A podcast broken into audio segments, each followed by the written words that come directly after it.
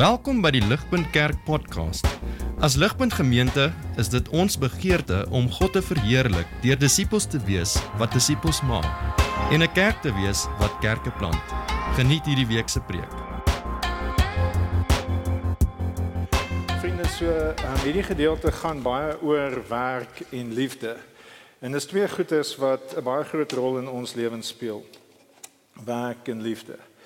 Ehm um, ons werk om te voorsien en te versorg en so daar's 'n baie noue verband tussen werk en liefde.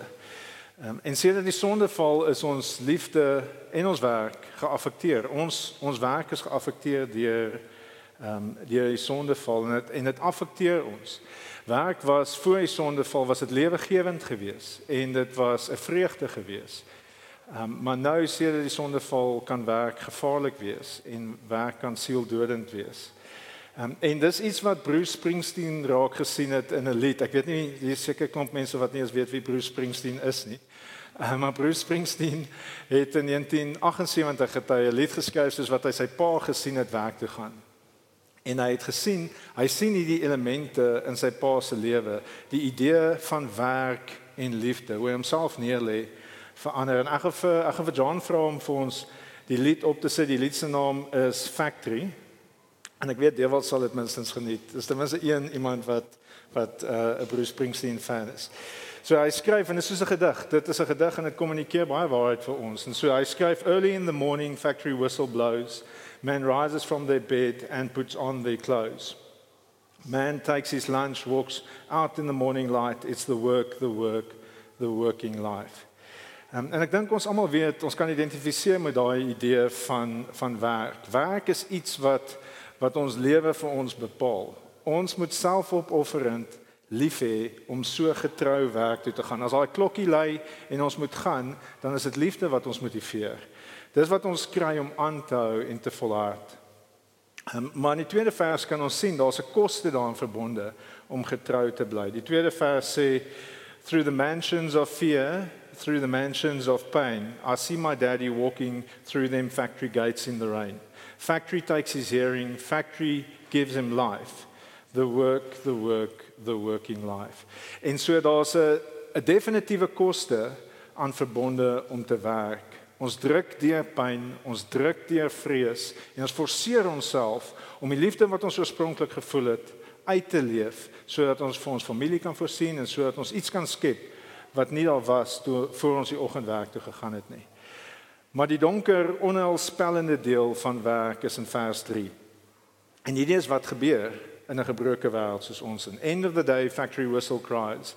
Men walk through these gates with death in their eyes. And you just better believe boys somebody's to get hurt tonight. It's the work, the work, the working life. Werk is 'n goeie ding. Dis 'n Godgegewe ding. Dis 'n voorreg en dis 'n verantwoordelikheid. En die oorsprong van werk is veronderstel om liefde te wees. Maar oor tyd kan werk sieldodend raak in 'n gebroke wêreld.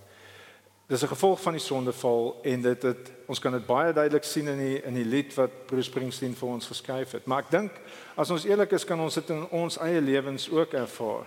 En is nie net werk by die werk nie.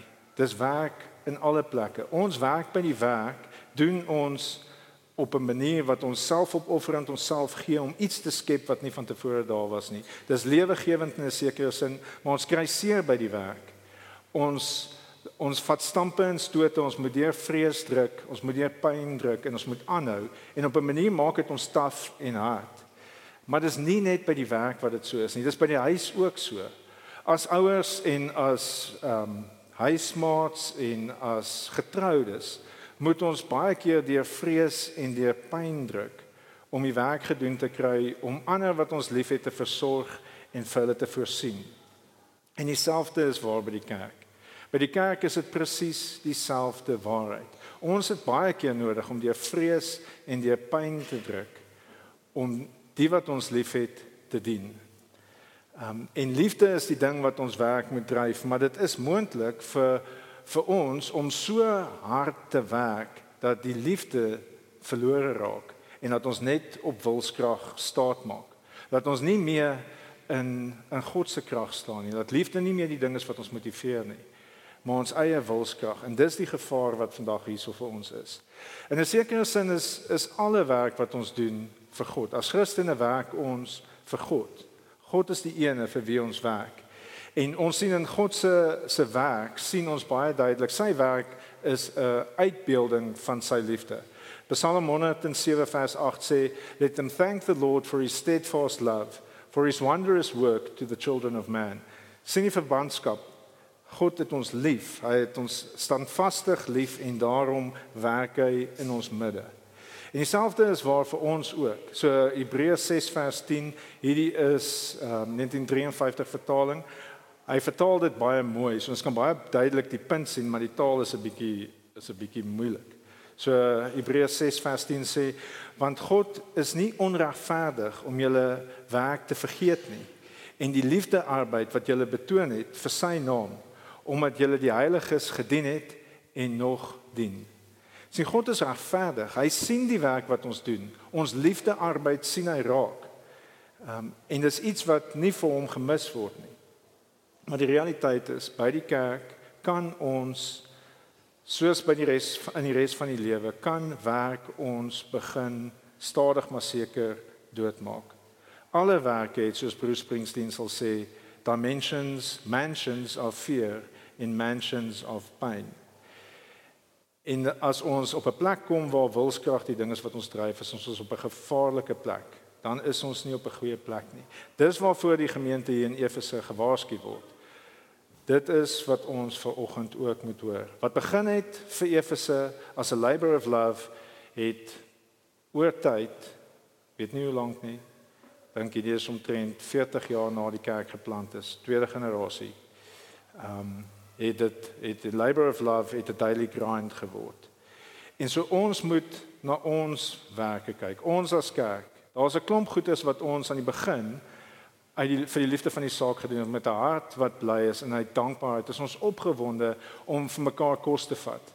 Ons is opgewonde om Bybelstudies te lei. Ons is opgewonde en dis liefde wat ons dryf om die kinders te gaan ehm um, sonnaarskoollessies gee.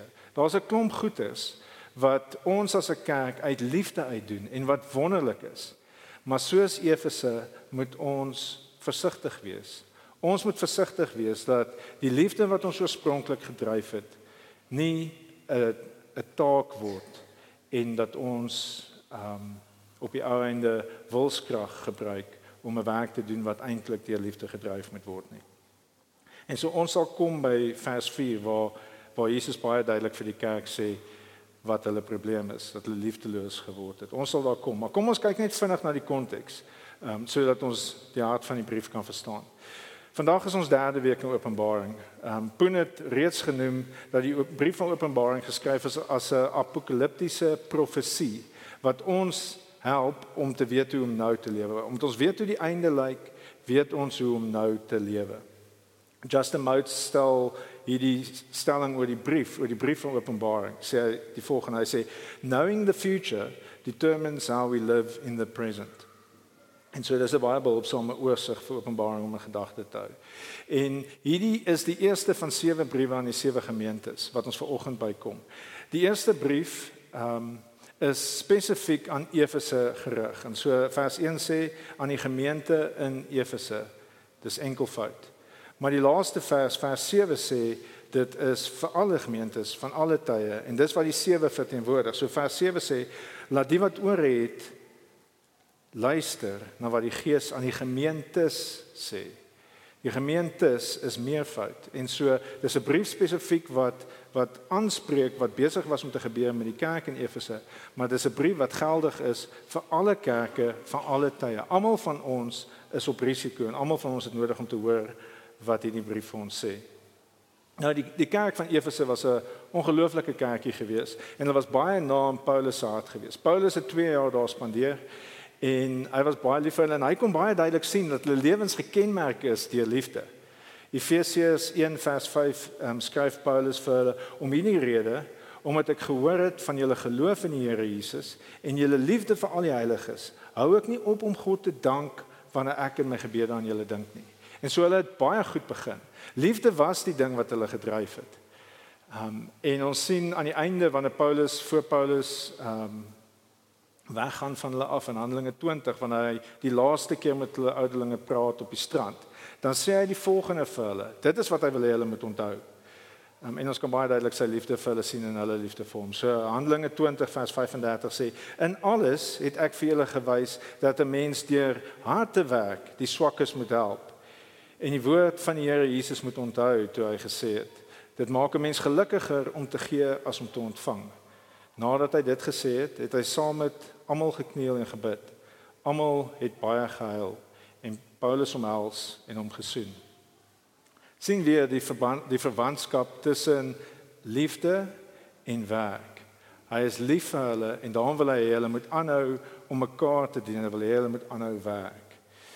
Ehm um, en so Paulus bemoedig die gemeente voordat hy hulle verlaat om aan te hou. Ehm um, want hy het besef dat daar 'n kans dat hulle liefde sal minder word en dat hulle sal ophou om mekaar in liefde te dien. En ehm um, ons as 'n kerk het ook goed begin dink ek. Ek dink ons het baie om voor dankbaar te wees. Uh daar's baie mense hier so en mense sien dit op 'n weeklikse basis hoe God se liefde oorloop in die lewe van mense en hoe mense na mekaar omsien, hoe mense mekaar versorg, mense mekaar bedien. En so ons het 'n goeie begin gemaak, maar ons het nodig om soos die kerk van Efese die waarskuwing te hoor sodat ons liefde nie afkoel nie. Ehm um, en sodat ons nie op risiko geplaas word soos wat hulle op risiko was nie. En al die briewe ehm um, is relevant vir al die kerke en al die briewe volg 'n soortgelyke patroon. En so die patroon wat die struktuur van die verskillende van hierdie brief is duidelik vir ons sigbaar. Ek gaan net daar sit sodat ehm um, sodat julle kan sien wat die die die verskillende elemente van die brief is wat ons deur gaan werk. En so daar's 'n beskrywing van Jesus in vers 1. Daar's 'n bemoediging in vers 2 en 3 en dit is 'n wonderlike bemoediging wat hierdie kerk ontvang.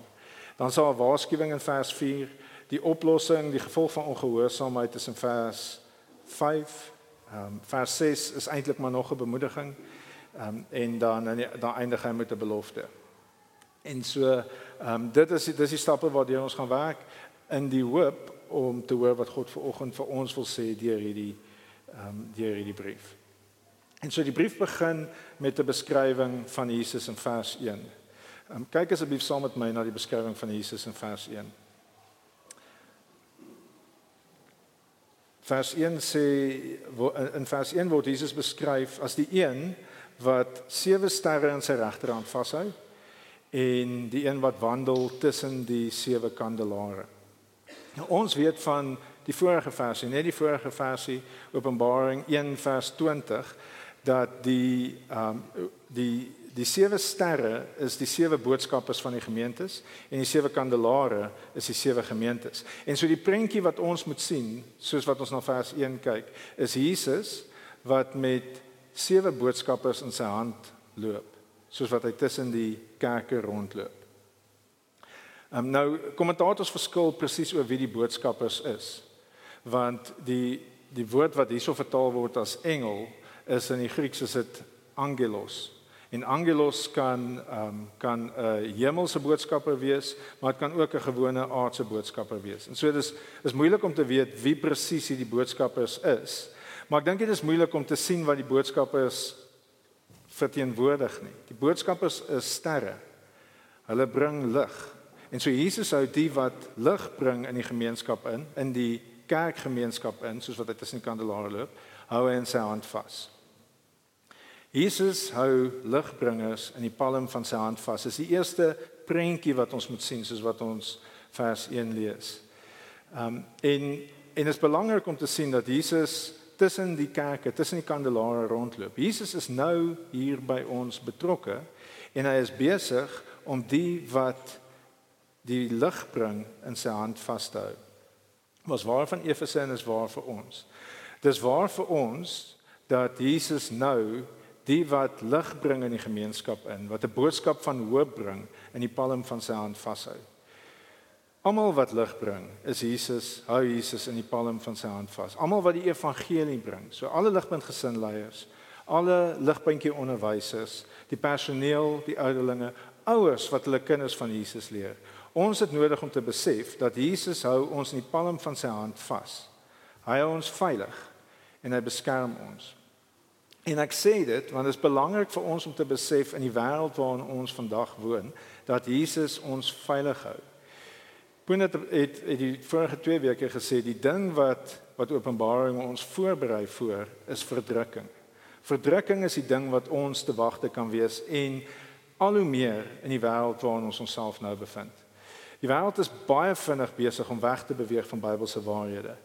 En die wêreld is besig om in 'n sekere sin aggressief te word teenoor Bybelse waarhede.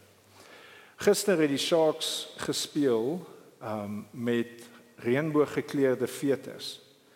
En wat hulle probeer sê is hulle probeer sê dat hulle is vir alle verhoudings. Alle verhoudings is is reg. En hier is wat hulle sê op hulle webwerf as hulle praat oor hierdie um, reënbooggekleurde fetus. Hulle sê join us as we ensure that disrespectful language, attitudes and abuse have no place in our sport. United we rise. Die punt wat hulle probeer maak is as mens sou sê, soos wat die Bybel sê, dat die huwelik is vir een man en een vrou lewenslank. As mens daai waarheid waarheid sou kommunikeer en daarbey bly staan, dan sal hulle sê dat ons is disrespectful en hulle sal selfs so ver gaan om te sê ons is abusive in die manier waarop ons na die wêreld kyk. En dit is 'n golf wat dit is een van die dinge, dis net een van die dinge waar die wêreld besig is om baie aggressief Bybelse waarhede teen te staan. En as ons sal opstaan teen dit. As ons lig sal bring in daai situasie, as ons waarlik lief sal hê en die waarheid sal praat, sal ons verdrukking ervaar. En so ons het nodig om te onthou watter konteks ons dit ook al doen en en die manier waarop ons doen is belangrik. Ons het nodig om die waarheid in liefde te kommunikeer en met nederigheid te kommunikeer. Maar ons het nodig om die waarheid te kommunikeer en ons het nodig om te onthou dat soos wat ons dit doen, soos wat ons lig bring, sal Jesus ons in sy in die palm van sy hand vashou. Ehm um, nou die tweede gedeelte wat ons sien is 'n beskrywing van die kerk. Dis 'n beskrywing van Jesus, nou 'n beskrywing van die kerk. En Jesus sê ek weet wat by julle aangaan, want hy staan tussen hulle. Hy weet wat daar aangaan. En dit is 'n ongelooflike beskrywing. Vers 2 en 3 is 'n ongelooflike beskrywing van hierdie kerk. Ehm um, kom ons lees dit saam. Ek ken jou werke en jou arbeid en jou leidsaamheid en dat jy slegte mense nie kan verdra nie en dat jy die op die proef gestel het wat sê dat hulle apostels is en dit nie is nie en hulle leenaars bevind het. En dat jy verdra het en leidsaamheid besit en ter wille van my naam gearbeid en nie moeg geword het nie. Leidsaamheid weer eens 53 vertaling. Leidsaamheid beteken patient endurance of volharding in Afrikaans. En so hierdie kerk het ons saglik hard gewerk Ehm um, hulle het nie moeg geword nie, hulle het nie opgegee nie. Hulle het die waarheid geken en liefgehad. Hulle was oordeelkundig in die manier waarop hulle met mense omgegaan het, was hulle ehm um, lief genoeg vir die waarheid om op te staan vir die waarheid en het nie toegelaat dat ehm um, dat daar dwaalleer in hulle midde plaasvind nie. So dit lyk soos 'n wonderlike kerk. Dit skep die idee van pluggies, werklike hardwerkende mense en ek prys die Here vir pluggies. Ehm um, pluggies is wonderlike mense, mense wat omgee en wat hard werk. Ehm um, en wat nie lui wegsteek nie. Dis wonderlike mense. Ehm um, maar daar's 'n gevaar daaraan as ons baie hard kan werk. Daar's 'n gevaar daaraan. Ehm um, ek het gehoor dat die ehm um, die vrou wat die eerste dag van die epic gewen het. Ehm um, sy het sy het geval met haar fiets en 'n stokke deur haar bicep gesteek. Ehm um, en sy het opgestaan, ek neem aan sy het stok uitgetrek. Sy het hom met duct tape toegeplak en sy het aangejaag. Ehm um, en sy het die 98 kg ehm um, in onherbergsame omstandighede in geweldige wind gewen. Nou mens kry mense wat mind over matter kan wees. Um, en wat baie sterk is en ek prys die Here vir hulle. Ons het hulle nodig en ek dink ons het van hulle in ons midde ook hierso. Prys die Here vir sterk mense. Maar ons moet versigtig wees wanneer ons as kerk so mind over matter raak wanneer ons die hart van waarmee ons besig is verloor en wanneer ons druk om klaar te kry. Die kerk is nie 'n resies om te wen nie en die kerk is nie 'n fabriek wat moet produseer nie. Die kerk is 'n liggaam wat moet versorg en 'n lig wat moet skyn in 'n donker wêreld.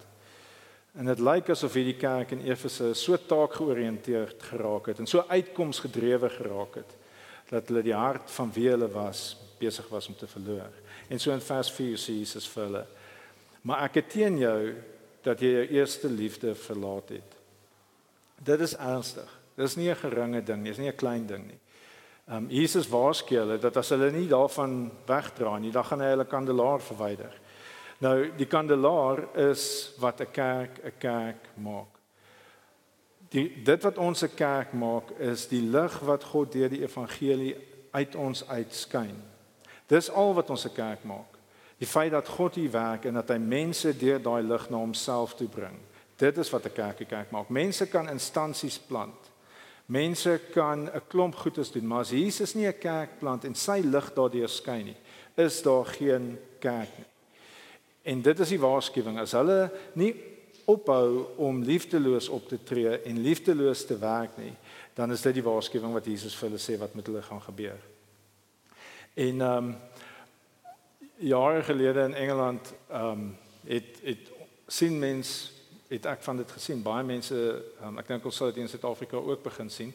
Maar daar was die ongelooflikste mooiste geboue gewees wat nightclubs geword het en wat pubs geword het omdat hierdie met hulle plaasgevind het. Hier's 'n foto van 'n 'n 'n pub in Engeland. Um Waxy O'Connors wat ek en Poen by ons was seker 20 jaar terug nou by 'n verjaarsdag gewees van 'n vriend in hierdie pub.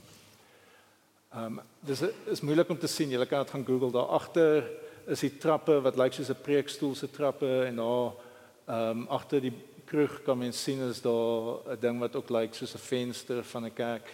Uh, John as jy ons die volgende foto sal opsit dan kry mense ook 'n idee. Mooiste pub wat ek in my lewe ooit by was. Skerieste ding wat ek nog ooit by was. Dit is die vreesaanjaendste ding om te sien wat gebeur met 'n kerk wat liefdeloos raak. Dit is wat gebeur.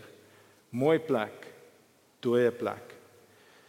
Ehm um, en so wat is hierdie liefde waarvoor Jesus hulle waartoe Jesus hulle roep? Wat is die liefde wat hulle nodig het as 'n gemeente?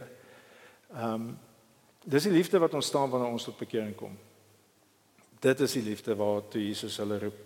Ehm um, Johannes 16 praat Jesus hy hy sê vir sy disippels wat met hulle gaan gebeur wanneer die Heilige Gees kom en hoe hulle tot bekering kom. So hy sê vir hulle in Johannes 16 vers 8. En as hy kom, sal hy die wêreld oortuig van sonde, van geregtigheid en van oordeel. En so wat met ons gebeur wanneer ons tot bekering kom, is ons raak oortuig van ons eie sondigheid. Dis die eerste ding wat met ons gebeur soos wat die Gees binne in ons begin werk, besef ons ons het God ehm um, geïgnoreer in sy wêreld. Ons lewe asof God nie bestaan nie. Ons doen wat ons wil en so die eerste ding wat met ons gebeur wanneer ons tot bekering kom is ons raak oortuig van ons sonde en dit weeg swaar op ons. Die tweede ding wat gebeur is oordeel. So die oordeel, die die, die Gees oortuig ons dat ons gaan moet rekenskap gee van hoe ons gelewe het. Ons gaan moet sê vir God wat ons met ons lewens gedoen het. Die geleenthede wat hy vir ons gegee het. En dan laastens, die derde ding, is ons die Gees oortuig ons van geregtigheid. En so ek gaan dit vir ons teken. Ek wil graag vir ons die kruis teken. Dis waarvoor die bord hier so is volgens. So, ehm um, ek weet nie hoe om dit te sit dat almal dit kan sien nie. So wanneer ons gebore word, dan lyk ons harte dan lyk ons harte so. Ons word in sonde gebore.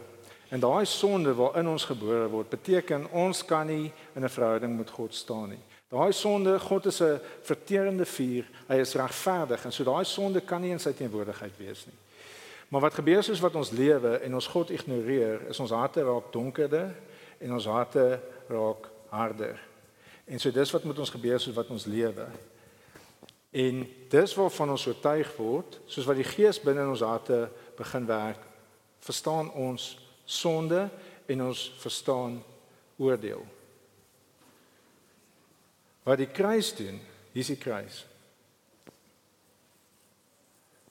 Wat die kruis doen is dit wys vir ons God se geregtigheid. So hier is ons Jesus se hart. Jesus het 'n perfekte lewe gelewe. Hy het nooit enigiets gedoen wat liefdeloos was nie. Hy het sy hele lewe neergelê vir ons. En so Jesus se hart was perfek geweest.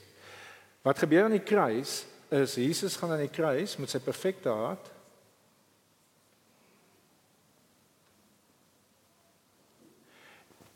En ons sondes word deur geloof op Jesus gesit. En God straf vir Jesus.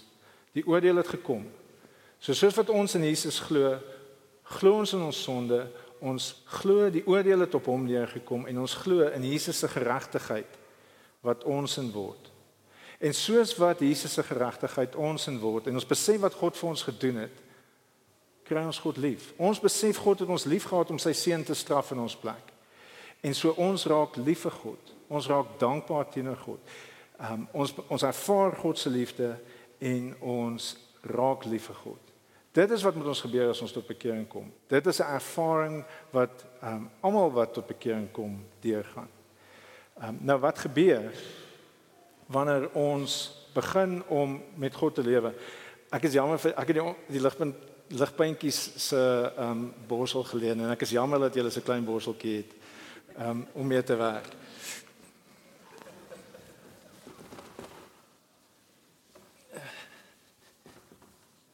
So hier's ek wil net 'n verdere ding teken wat Bob Thune vir ons gewys het. OK. So ehm um, so hoe werk dit dan dat ons liefde kwyn? Daai liefde wat ons oorspronklik gehad het. Ehm um, hier is 'n ander manier om dit te te wys. Hierdie is God se geregtigheid of God se goedheid. Dis daai lyn. God se geregtigheid. Hierdie is ons bewustheid van onsself. Sondige self. Ehm um, wat gebeur hier is ons besef hoe goed God vir ons is en ons besef ons eie sondigheid en ons liefde vir God ontstaan. Soos wat tyd aangaan, besef ons leer ons God beter ken en groei ons liefde vir God. So ons liefde groei want ons begin onsself ook beter te leer ken en ons besef ons het genade nodig, mercy. Ons het mercy nodig elke dag om te bly lewe. En so soos wat ons in 'n verhouding met God lewe, groei ons liefde vir God en ons waardering vir God. Dis wat gebeur met in die Christen lewe. Maar wat gebeur het met Efese en wat ons op risiko is om te gebeur, is ons begin te weg te kyk van God se geregtigheid en sy goedheid en ons begin na onsself te kyk en te dink ek het ver oggend stilte tyd gehou. Ek het ver oggend kerk toe gekom. Ek het ver oggend ek het my tiende gegee. Ek het gebid. Ek het vir mense gister kos gevat. Ek het ek het 'n klomp goedes gedoen wat ander nie gedoen het nie. Kyk hoe goed is ek. En kyk wat gebeur met ons liefde vir God. Ons liefde raak al kleiner. En wat ook gebeur is soos wat ons in ons eie oë beter word omdat ons onsself so hard druk om al die werk gedoen te kry, begin God ook kleiner te raak in ons beskouing. En op die einde, soos wat ons ons dink van onsself opgaan en ons dink van God afkom, kwyn ons liefde vir God en ehm um, raak ons in gevaar om soos die kerk in Efese ehm um, hulle kandelaar te laat verwyder. En so wat doen ons? Wat is ons dan veronderstel om te doen as dit is wat met ons gebeur as ons aanhou om dit wat ons geroep is te doen, as ons aanhou werk? Wat het ons nodig om nie ons liefde vir God te verloor nie? Vers 5 sê ons het nodig om te onthou en ons het nodig om onsself te bekeer en weer die eerste goedes te doen wat ons gedoen het. Weer die liefdewerke te doen wat ons in die begin gedoen het. So ons het nodig daagliks om te onthou wie God is. Elke liewe dag moet ons onthou wie God is. Ons moet onthou hy is 'n liefdevolle Vader wat in die wêreld sy seun ingestuur het om vir ons sondes te sterf. En ons het nodig om te onthou wie ons is. Elke liewe dag het ons nodig om te onthou wie ons is sodat ons liefde vir God kan groei. Ons het nodig om die prentjie te onthou. Ons het nodig om die sondes wat in ons lewens is te bekeer. Ons het nodig om dit te bely en te bekeer. Onthou wie God is is die eerste punt en bekeer jou is die tweede punt. Bekeer jou van jou sondes. Moenie deur die pyn drempel druk nie. Moenie vir die vir die saak aanhou veg en onsensitief raak vir die sondes wat in jou lewe oor is nie. Want dit is baie gevaarlik. Ons het ons het in die laaste tyd gekyk na die onsse Vader en die onsse Vader is is hoe Jesus ons leer om daagliks te bid. Ek gaan vir John vra om dit vir ons op te sit want dit doen presies hierdie. Dit doen presies hierdie. Die eerste die eh, vers 9 tot 11 help ons om op te kyk na God toe. Onse Vader wat in die hemel is, laat U naam geheilig word. Help ons om U te sien vir wie U is. Laat U koninkryk kom. Laat U wil geskied soos in die hemel so ook op aarde. Gee ons vandag ons daaglikse brood. Dis hierdie deel, dis die opkyk na God toe deel wat ons eerste daagliks doen. En die tweede deel is die onderste deel. Vergeef ons ons skulde soos ons ook ons skuldenaars vergewe.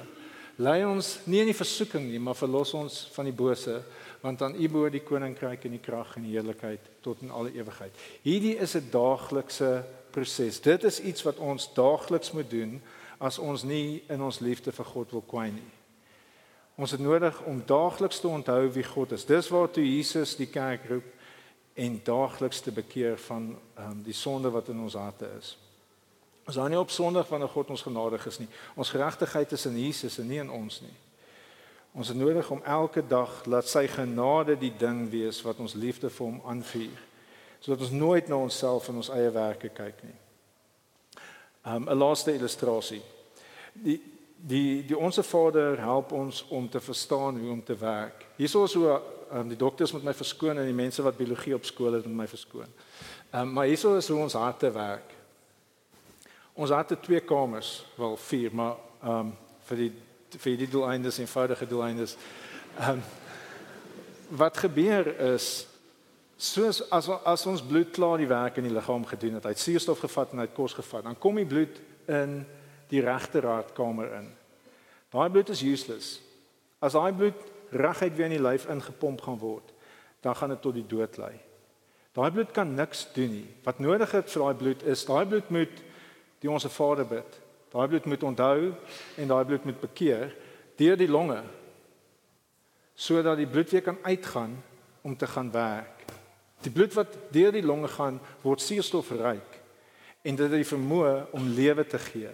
En dis hoe ons veronderstel is om te werk. Anderster is ons werk ehm um, besig om ons dood te maak. As ons nie God toelaat om om om suurstof in ons longe in te blaas daagliks sodat ons in liefde kan gaan werk nie, is ons besig om onsself dood te werk. Of dit nou is by die huis en of dit nou is by die werk en of dit nou is by die kerk dan is ons besig om onsself dood te werk. En Jesus kan ons kandelaar verwyder. Hy kan Efese se kandelaars verwyder op die ou einde. Hulle bestaan nie meer nie, hulle is nie meer daar nie. Um, hulle het so goed begin en hulle kandelaars verwyder. En dieselfde kan vir ons waar, waar wees. As ons nie daagliks onthou onsself bekeer en in liefde weer die werke doen wat ons mee begin het nie. En so God is ons as kerk baie genadig. Hier's baie getroue, hardwerkende mense in hierdie kerk. Hier's baie mense wat deur die pyndrempel kan druk op 'n baie goeie manier. Um, ons moet net mooi luister dat ons nie omdat ons so hard vir God wil werk of so hard by die werk werk, liefdeloos begin werk omdat ons na onsself kyk en nie na God nie. Die kerk in Efese was teologies baie sterk. Hulle was oordeelkundig. Hulle het baie opge opgeoffer vir mekaar en vir Jesus en sy kerk en hulle het nie moeg geword nie. Wat 'n beskrywing. Wat 'n beskrywing van 'n kerk. Ehm um, maar het langs die pad het hulle opgehou om lief te hê. En hulle het op die einde het hulle nie was hulle nie meer kerk nie. Daar's baie mense tot bekering gekom, baie goeie goed het gebeur, maar hulle het opgehou om na God te kyk te onthou en hulle self te bekeer van hulle sondes. En Jesus het op die einde hulle lampstane verwyder. En so ons ons het die, ons het vanoggend begin met 'n prentjie van Jesus wat ligdraers in sy regterhand vashou soos wat hy tussen die kerke rondloop. Dit was die eerste prentjie en dit bemoedig ons om te weet dat Jesus is hier by ons en dit bemoedig ons om te weet dat soos wat ons die lig van die waarheid van die evangelie in ons konteks inpraat, is hy besig om sy lig te skyn en is hy besig om ons veilig in sy hand vas te hou. Jesus eindig met 'n prentjie. Hy help ons om die einde te sien. Um in vers in vers 7. Vers 7 sê: "Wie oor dit laat hom hoor wat die Gees aan die gemeente sê. Aan hom wat oorwin, sal ek gee om te eet van die boom van die lewe in die paradys van God." En so dit wat die kerk moet sien om hulle te motiveer om aan te hou om in liefde op te tree is Jesus gaan hulle weer dien.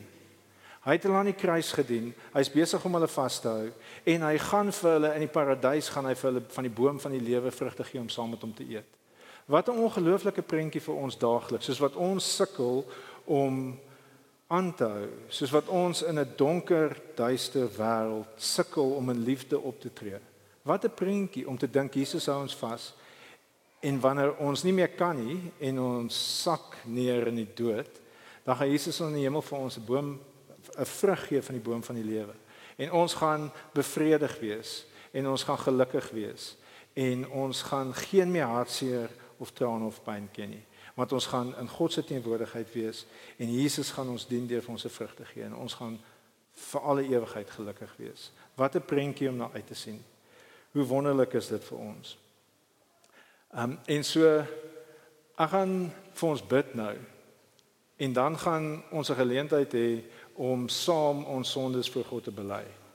Ehm um, dis nie 'n buitensporige belydenis nie, dis 'n bekende belydenis. Dis is Dawid se belydenis in Psalm 51 en so ek gaan vir ons bid en dan gaan ek 'n oomblik se stilte gee vir die wat in hulle eie harte ehm um, wil bid en dan gaan ons 'n geleentheid gee wat ons dit saam hardop kan lees en so daar gaan 'n gedeelte wees vir almal om te lees gedeeltes vir almal om te lees en gedeeltes wat ek vir ons sal voorlees.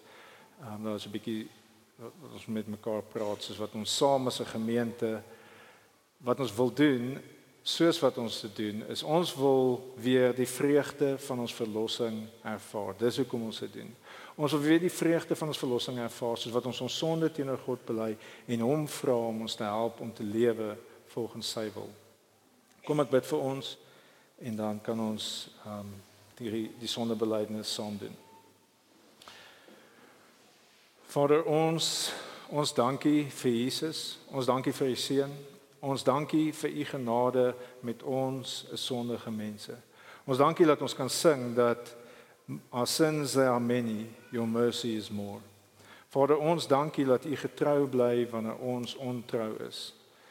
Vader ons pleit by u beskerm ons om mense te wees wat baie hard kan werk, wat jou pyn en vrees kan druk, maar wat loskom van u liefde, u liefde vir ons en ons liefde vir mekaar. Vader, ons pleit by u werk deur u gees in ons harte. Oortuig ons van ons sonde. Oortuig ons van die oordeel wat kom. Oortuig ons daagliks van die geregtigheid wat vir ons beskikbaar is in Jesus. Vader, en help ons asseblief. Help ons as 'n gemeente om mekaar aan te hou dien in liefde. Help ons asseblief om aan te hou om die lig van die waarheid in die wêreld in te skyn. Ons vra dit in Jesus se wonderlike naam. Amen. Vir meer inligting oor Ligpunt Kerk, besoek gerus ons webwerf op www.ligpunt.com of kontak ons gerus by info@ligpunt.com